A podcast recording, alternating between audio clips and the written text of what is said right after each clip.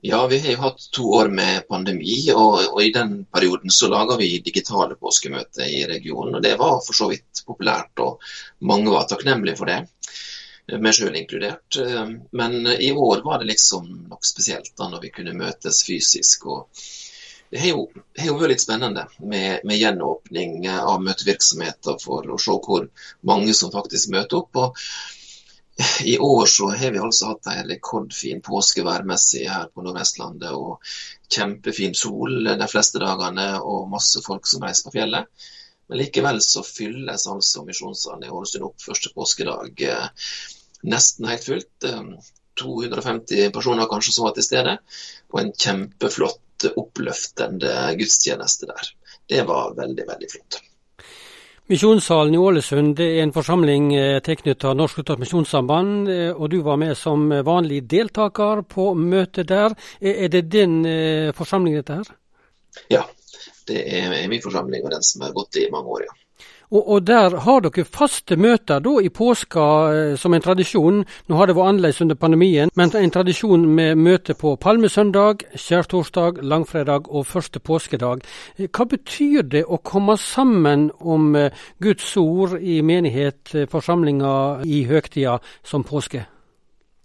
Jeg tror det betyr veldig, veldig mye. Jeg tror flere og flere har forstått det. Det er i bedehusland eh, som vi er her, så er det nok ikke noe lang tradisjon for å møtes til, eh, til møte sånn fast i påska. Det har kanskje vært et møte eller to i løpet av påska en del plasser, og så har mange eh, gått i kirka. Så, så, det er en ganske sånn ny tradisjon det å begynne å feire påske i våre forsamlinger. og skal være ærlig og si det at det er mange påsker har vært skuffende lite oppmøte eh, på de samlingene vi har hatt. Men jeg tror flere og flere begynner å forstå at uh, påska uh, er viktig også i forsamlinga. Det er den aller, aller viktigste kristne høgtida. Uh, og da er det, selv om det er fint vær, og selv om en gjerne har lyst på fjellet, så er det viktig å prioritere å også være i sin egen forsamling. Og det, det, er tydelig mange som har forstått, og mange som mener. og veldig veldig kjekt når en kan samles mange i lag. De ulike påskedagene de har jo litt forskjellig budskap eh, disse ulike dagene. og Det å kunne, kunne få med seg både nattverdmøte skjærtorsdag og en litt stille og eh, mørkere dag på langfredag, og så den store oppstandelsesfesten på første påskedag, det er veldig, veldig flott. Var det spesielle ting dette året som eh, tok deg, eller møtte deg, i påskebudskapet? Ja, når eh, en starta eh, gudstjenesten på første påskedag, så, eh, så hadde de blenda alle vinduer. Så da var det helt mørkt før møtet starta.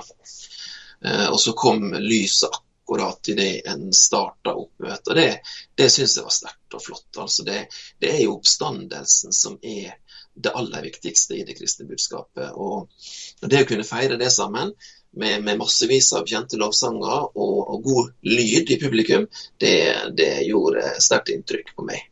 Eh, dette at uh, Jesu oppstandelse den er ikke en sånn teori som vi har, men den er det som gir oss livet.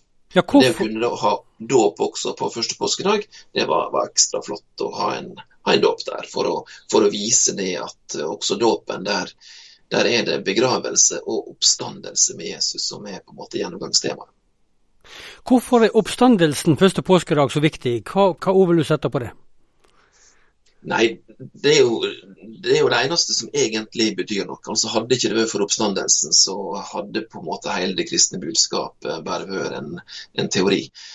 Det at Jesus overvant døden og sto opp igjen, det er det som åpner veien til himmelen for oss, og det som gjør at vi kan ha et håp om et evig liv i himmelen sammen med ham.